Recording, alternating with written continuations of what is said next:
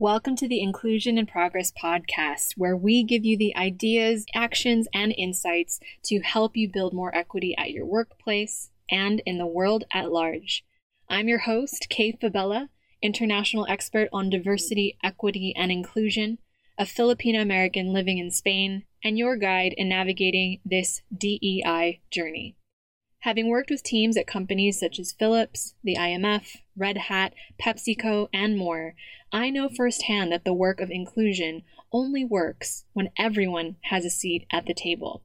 Regardless of your personal entry point into this conversation, your race, ethnicity, gender, ability, age, sexual orientation, country of origin, or educational background, we all have a role to play in creating inclusion for all.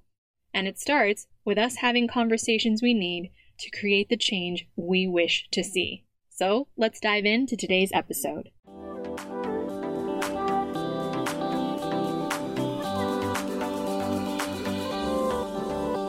Well, welcome back to Inclusion in Progress. Today, I'm so excited to have with me the prolific Dr. Nika White. And honestly, I was one of her biggest fangirls before she became a friend and now fellow consulting partner. And I'm super excited to have her on the show. So, welcome, Nika.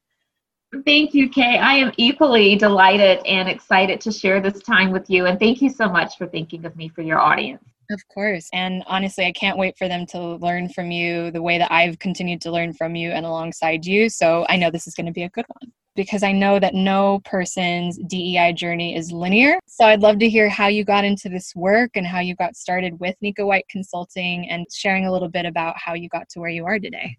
Thanks for that question. You're going to take me down memory lane. I always like to tell people that this work somewhat found me in terms of diversity, equity, and inclusion. My background is really deeply rooted in marketing communications. And I remember working for a marketing communications firm that was based in Greenville, South Carolina, but they also have a New York office. And so I was in between both the New York office and the Greenville office. And I always took notice of how the workforce was much more diverse in terms of representation of all types of people when I would go to the New York office. But I also was keenly aware at that time that even the New York agencies, the advertising capital of the world, uh, were challenged with diversifying the workforce.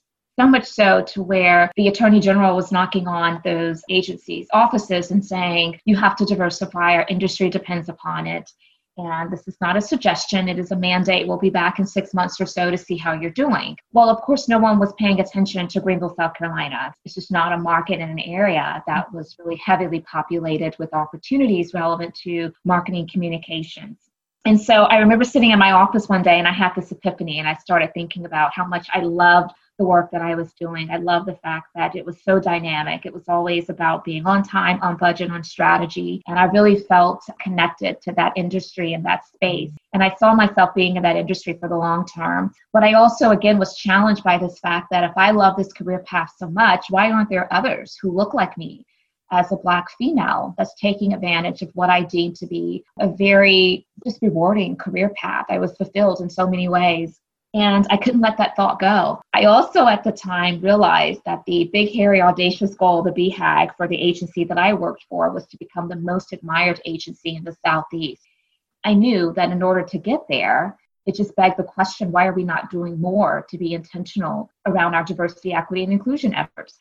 So I had a great rapport with the president CEO at the time. Um, he still led the 400 plus person agency staff wide meeting every Monday morning in a conference room that was placed in the center of the agency that we affectionately called Central Park. And so he was quite accessible. And I had a similar conversation with him that I'm sharing with you right now. I just laid out my thoughts, my sentiments, and he listened intently, asked some very thought provoking questions. And at the end of that conversation, I thought I was prepared for every bit of it except for the last question, which was Nika, you're right. We need to do this. And we're going to do it.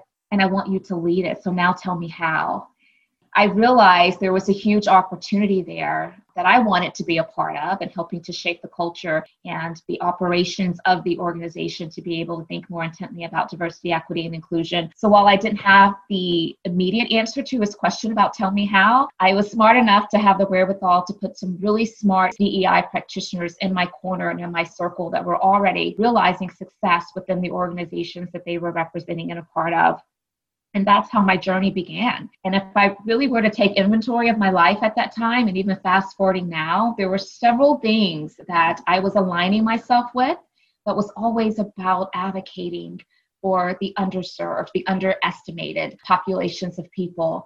And so it was really natural once it came full circle that I was able to begin working in this space full time. And then fast forward, opportunities just continue to present themselves. And I just immersed myself as a student of the industry and then decided to try out entrepreneurship. And um, I haven't looked back since then. I mean, and you haven't looked back. Everywhere uh, there is something to talk about with DEI, Nika's name and face and her lovely, beautiful face are there.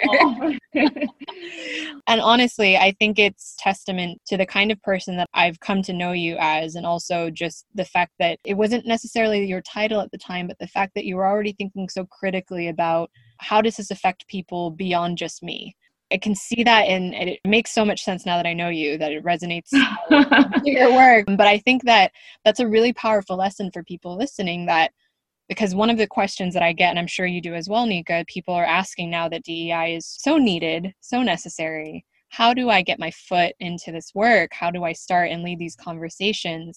And I know there's a lot of imposter syndrome. There's a lot of kind of looking at your official titles and thinking, oh, who am I to lead this? And I'm like, listen to this story. I mean, this is how she got into it. She didn't oh. have the title, she just had the passion and she had the curiosity and the drive to continue following it. And so I think that's such a powerful example for listeners. I so appreciate you amplifying that, Kay, because so much of it resonates with me and I hope with um, your audience as well. So, you mentioned imposter syndrome. Yes, it is real. and I will tell you that as someone who has become well practiced and well studied in this space, I deal with imposter syndrome every single day because there's so much to learn. We're talking about the complexity of humanity and the complexity of just so many different types of people and backgrounds and experiences. And so when you try to solve for inclusive spaces, when you're having to consider all of those different touch points and dimensions, of course, this is hard work. And so I think even the best of us sometimes find that we are questioning are we approaching this correctly? Are we doing this right? Are we advising our clients in a fashion that leads to success? And there's more than one way to be successful. So I appreciate you bringing that up. And to your point, my story was that this work somehow found me. I wasn't set out to have this as my career trajectory, but I did recognize that there was a huge opportunity in it. And I think that's important for people to hear because I encounter, I'm sure like you, Kay, so many individuals that are not directly in this space, but they care about the work and they're always trying to find the most appropriate avenue for getting others engaged as well. And oftentimes, my message to them is, well, maybe it is you. Instead of you thinking that it's someone else, maybe it's you. It was me at the time in the agency environment where I planted the seed and I raised my hand and I had the conversation. And I think that that's often how many organizations begin to execute work in the space and discipline of diversity, equity, and inclusion. It's, it's being people led because they see there's an opportunity and there's a need. Yes, most definitely. So much gold there. I always say this, but I'm always so glad these conversations are recorded because then I can come back to and learn from it myself as somebody who continues to be a learner in this space like yourself. So thank you for sharing that. I also think it's really important just for context because you and I connected, unfortunately, in the middle of pretty harrowing tragedy given the events of this past year. I mean, we have the pandemic at the time of this recording, but also I think you and I finally managed to get on a call right around when the Ahmaud Arbery video came out. And I think you and I have had this joke like every time we've talked because of how harrowing this year has been, uh, one of us is crying. Absolutely. Which you know, it just goes to show you like how how much our nerves and our hearts are on the line here in DEI. But I think that it's a perfect dovetail into what I believe is just such a critical component of your work, which is racial equity and racial justice, and especially given the backdrop of where we're at now within companies, and really the reason why DEI has exploded, I would say, uh, over the last few months. So I'm curious to hear because you and I first connected right around when all of this was taking off, when we were stretched thin, where our nerves were quite frayed in some respects. And so, what does that now look like when you're leading these conversations for companies who have not just put out the statement, have said they're committed, they want to diversify their boards and their talent pipelines? Several months in, how does the sustained journey of racial equity look like? Because I think that's really where the test comes in, right? Absolutely. So I love this question, and there's so many different directions we could go with this conversation because it is very much up front and center. And I feel like society in general has a deeper appetite for it. And I think that's a good thing because we have to, first and foremost, be willing to have productive, healthy dialogue in a way that causes each of us to lean into our vulnerabilities put egos aside and to really listen with the intent of learning. And so I love this. That's really how in which I've been framing this conversation for so many audiences and leaders. It's let's start with listening and learning to fully understand the constructs of race and racism and the historical context and what does it mean to now move to an anti-racism position it's not just in words it's, it's definitely about aligning words with action so we need to now do the hard work of first and foremost learning what that means so that we can put it into practice and so for me, I think it's about taking people from a place of awareness to action. And there's multiple ways to do that. But I find that first and foremost, we have to get people to a posture of being a student and being willing to listen, to be being willing to recognize that we don't know what we don't know and not being comfortable with not knowing, but finding ways to figure out what else is out there that I need to explore that allows me to have a better level of understanding, not at the surface level, but at a deeper level, the groundwater level, that allows me to be able to be called to action and to model new behaviors and procedures and processes and thinking that really helps show forth a great level of leadership around this work of equity and inclusion. Seeing that conversations are changing.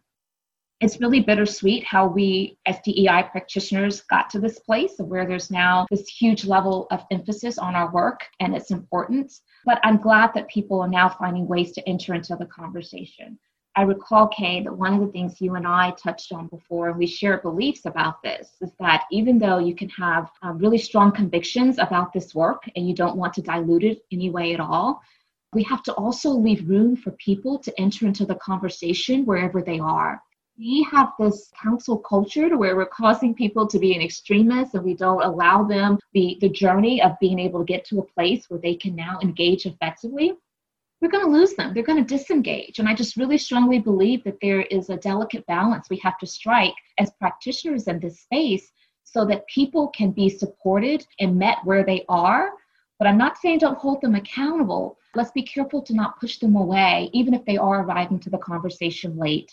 Let's embrace that and let's help them and support them because we need each of us to be able to emerge from this stronger.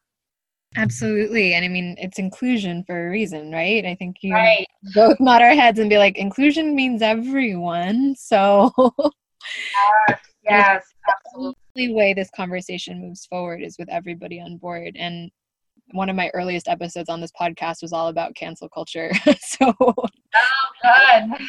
plenty of thoughts on the subject. And I think there's so much pressure on companies, and maybe it's because of what we perceive in social media and because there is so much genuine desire from customers and from employees alike looking to companies to do better. How do you guide a company that is trying to do this work responsibly and with integrity and like you said in a sustained and truly inclusive way, in a humble way, without worrying about being held accountable for their journey as they're getting it wrong? I think it's such an interesting question. Do you have any thoughts on that? Well, I do. And again, I'll, I'll, preface this by saying I certainly recognize that there's more than one way to be successful at leading organizations into greater intentionality around racial equity work. I think that it really requires getting to know the organization where they are within their DEI continuum. What I'm finding is that the historical learning and development experiences around DEI, just in general, is not the same as the learning and development experiences. At least they should not be the same as it relates to systemic racism and racial equity. So we have to first and foremost realize that. And so I spend some time on the front end helping clients to just navigate and to process that thought in and of itself it certainly is deeper, it's heavier. You can't be surface with it. And I'm not a DEI practitioner. I really believe in getting to the crux of the matter, peeling back all the layers, identifying the root causes of issues, and helping organizations to solve for that.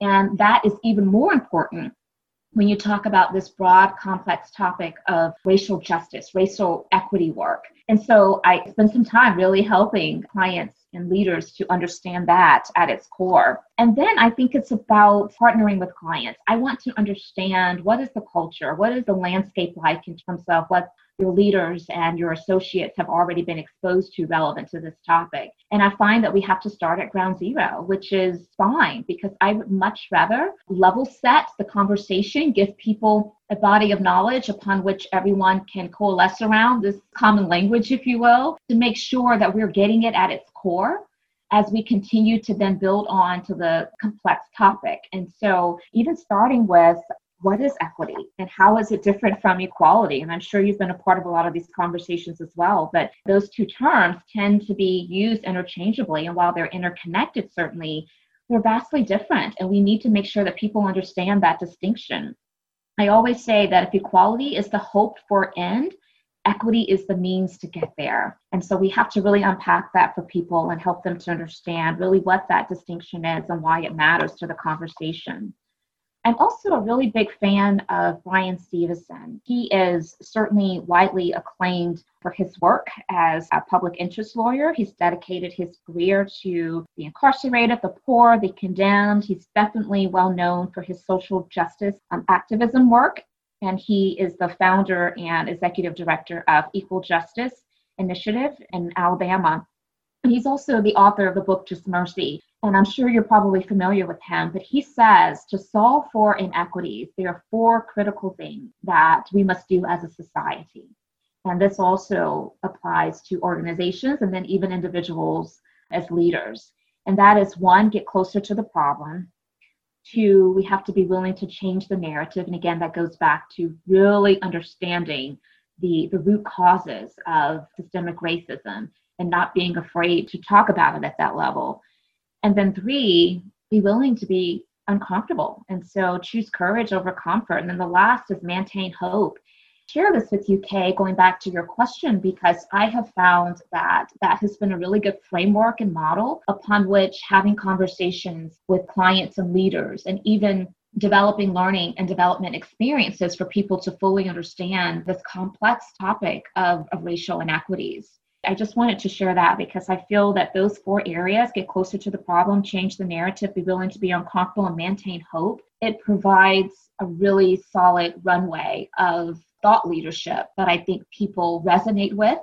And it has been quite effective for some of the racial equity conversations and, learning experiences that I've been able to be a part of. That's incredible. The movie, I'm guessing Just Mercy, was based off of this. Yes, absolutely. That makes sense. That makes sense. no, it was. It's a truly, truly powerful framework, and I appreciate you sharing that. And to to double down on what you mentioned earlier about this work is work. It's a long journey towards trying to create equality for all requires consistently contributing to equity in every single way. What I've been referring to it as recently is people want progress to be much faster than it is, but I see progress as a pendulum. It's always going to be swinging its movement, but it's not always forward. And so I think the importance of letting people know that often some of these conversations, especially what I'm sure you're seeing as well, trying to dismantle systemic racism and really trying to be thoughtful and intentional about how you lead those conversations and different people's emotional entry points as well into how they see it and what they're feeling about it it's really important to recognize that this work is multi pronged. It is going to be long term and for it to be sustainable we really have to be thinking intentionally not about the sort of short term blip that we see on the radar of what that one snapshot perception of a company or an organization or a leader doing that work in that moment is but rather be thinking that actually, like you and I are seeing behind the scenes, maybe off of places like LinkedIn or off of this podcast, we're really seeing the conversation shift. And I think that makes me hopeful, and it sounds like it's making you hopeful as well. There was an example you shared with me before we started uh, recording the podcast of just driving back to this point you made that I love so much about the importance of anybody especially the people who are most capable of affecting change at the top level of the organization, really having to approach this journey towards DEI with humility. And I was wondering if you could speak on that a little bit for our audience.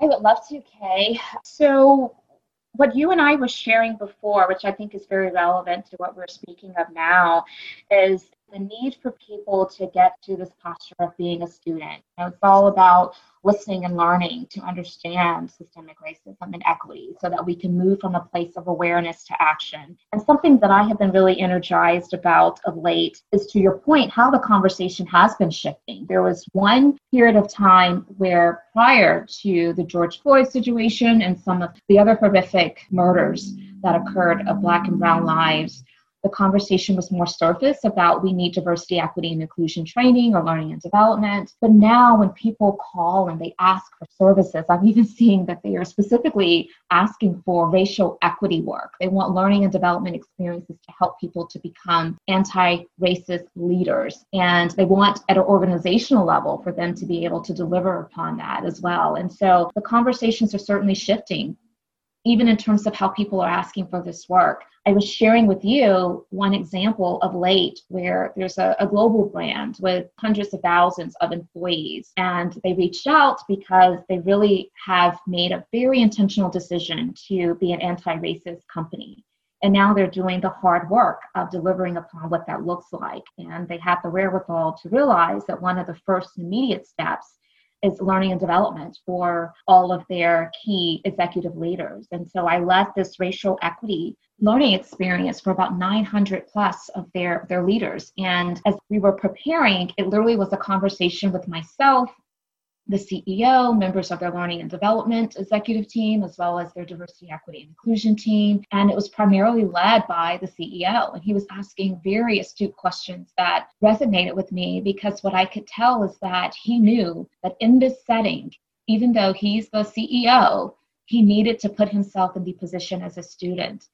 And then even the day of the session, he opened up with such great commentary that he was very authentic. He leaned into his vulnerability and just acknowledged, I don't know what I don't know. And so today, you know, we're bringing in Dr. Nika White to share with us about this complex topic. And I am seated with you as a student. And I think what that did was it allowed all of the other leaders in the organization to feel like they could also be vulnerable and also give themselves permission to realize that they don't have to have all the answers immediately. Everyone is entering into this conversation at a different place. And they needed to be open to learning and listening and acknowledging that there are some things that I just do not understand. And that's okay. It doesn't make me a bad person, but I do have to follow this level of curiosity. And there's a certain mindset that's needed for people to to really put themselves in the position of an effective student. Now, you're not just there to listen, but you're there to listen and to contribute, and then to allow what you're hearing and being exposed to to lead you to even further opportunities for your own personal leadership development. So I love the way that that was set up, and I thought that it was highly effective. And it made a difference. And I know that just strictly because of the level of engagement and the questions that came at the end of the discussion. And so I was really appreciative of that level of leadership that was displayed. I love that. I really appreciate you sharing because it's really important for underrepresented or underestimated groups to see themselves doing amazing things like you. But it's also just as important, I think, because we really want allies in on this work and especially leaders at the very highest levels in on this work to see examples of what that actually looks like. So I really appreciate you not just sharing that with us, but also expanding the opportunities or the possibilities of what inclusive leadership actually looks like for people who are listening. And it is possible, but it has to be, like you said, it has to be intentional, it has to be approached with humility. Right. And where you sit, Kay, determines what you see. And so I think it's even more important for those top tier leaders to be willing put themselves in that type of light, you know, as a student. And so I'm keenly aware that it is hard for someone who has never walked in the shoes of a person that is a part of a population that's historically oppressed and marginalized and disenfranchised to really understand what that looks like, what that feels like, and the impact. But the best way to get close to it is to get proximate to the issues to be willing to hearing about those lived experiences and believe those experiences and then be moved to want to do something about it. The reality is that racial disparity persists in every system across the country without exception. And so, as you were asking about how do I like to frame these conversations as I'm developing these learning experiences for people, I think that's part of it as well. We have to tell the full story we cannot shy away from really illustrating the severity of the state that we're in that's been perpetuated over the past 400 plus years if we aren't willing to really give those very specific examples. And so I even like to go in depth with how does it exist. So I think that examples are always really good for people as they're trying to connect the dots. And the last thing that I'll say, Kay, is the significance of getting people to understand the necessity of solving for all forms of racism. So that includes both covert and overt. I think that sometimes we confuse the fact that racism today looks different than what it did years ago when we were during the time where Black people in particular were enslaved. And that's not how it shows up today in time. It shows up in much more subtle ways, but it's just as harmful and damaging. I like to share that when we think about it in the racism and its overt capacity, that's usually without shame. It's very blatant, it's very obvious, and it's not socially acceptable, but it's still harmful. But when we think about forms of racism that are covert, it evades blame. It's um, something that's understated, it's subtle, it's regarded as permissible in many regards because people can hide behind, I didn't realize that that was offensive or that was a racist act. But it's also harmful. And so if you notice all of those characteristics I gave for both overt and covert, the one that was the same is that they both are harmful. So we have to take issue with all forms of racism. And I think that's part of this conversation as well. Exactly. There's no passive way for any individual or any organization to be anti racist. Yes. And and we're so grateful that you shared your wisdom with us today and that there are people like you who are leading organizations in these conversations with integrity with intention and with the capacity for so much impact for so many people involved. So i really appreciate you taking the time to be with us today. And yeah i guess i just have to wrap up. I know we could go on for hours and we have but to wrap up i'd love to point people to continue to learn from you and your amazing work. Where can people find you People can find me on my website, which is simply nikawhite.com, N-I-K-A-W-H-I-T-E. And I would love to connect. There, there on my website, people can also identify ways to connect with me on social media platforms, share a lot of content. But yeah, and I'm grateful for UK. I'm grateful for the opportunity to come and share with your audience. I think you mentioned before that when we met, it was around the time in which we were um, collaborating on an opportunity for, for you to come on one of my virtual kind of conversation opportunities. And but actually prior to that, you and I knew of each other because we both made um, a feature in the Forbes article, Top 10 DEI Trailblazers. And so I became a fan then when I realized the depth of your work. And I just appreciate all that you're doing as well in this space. I truly, truly appreciate that. Thank you, Nika. Honestly, I'm so glad to be on the road with you in this work. Likewise.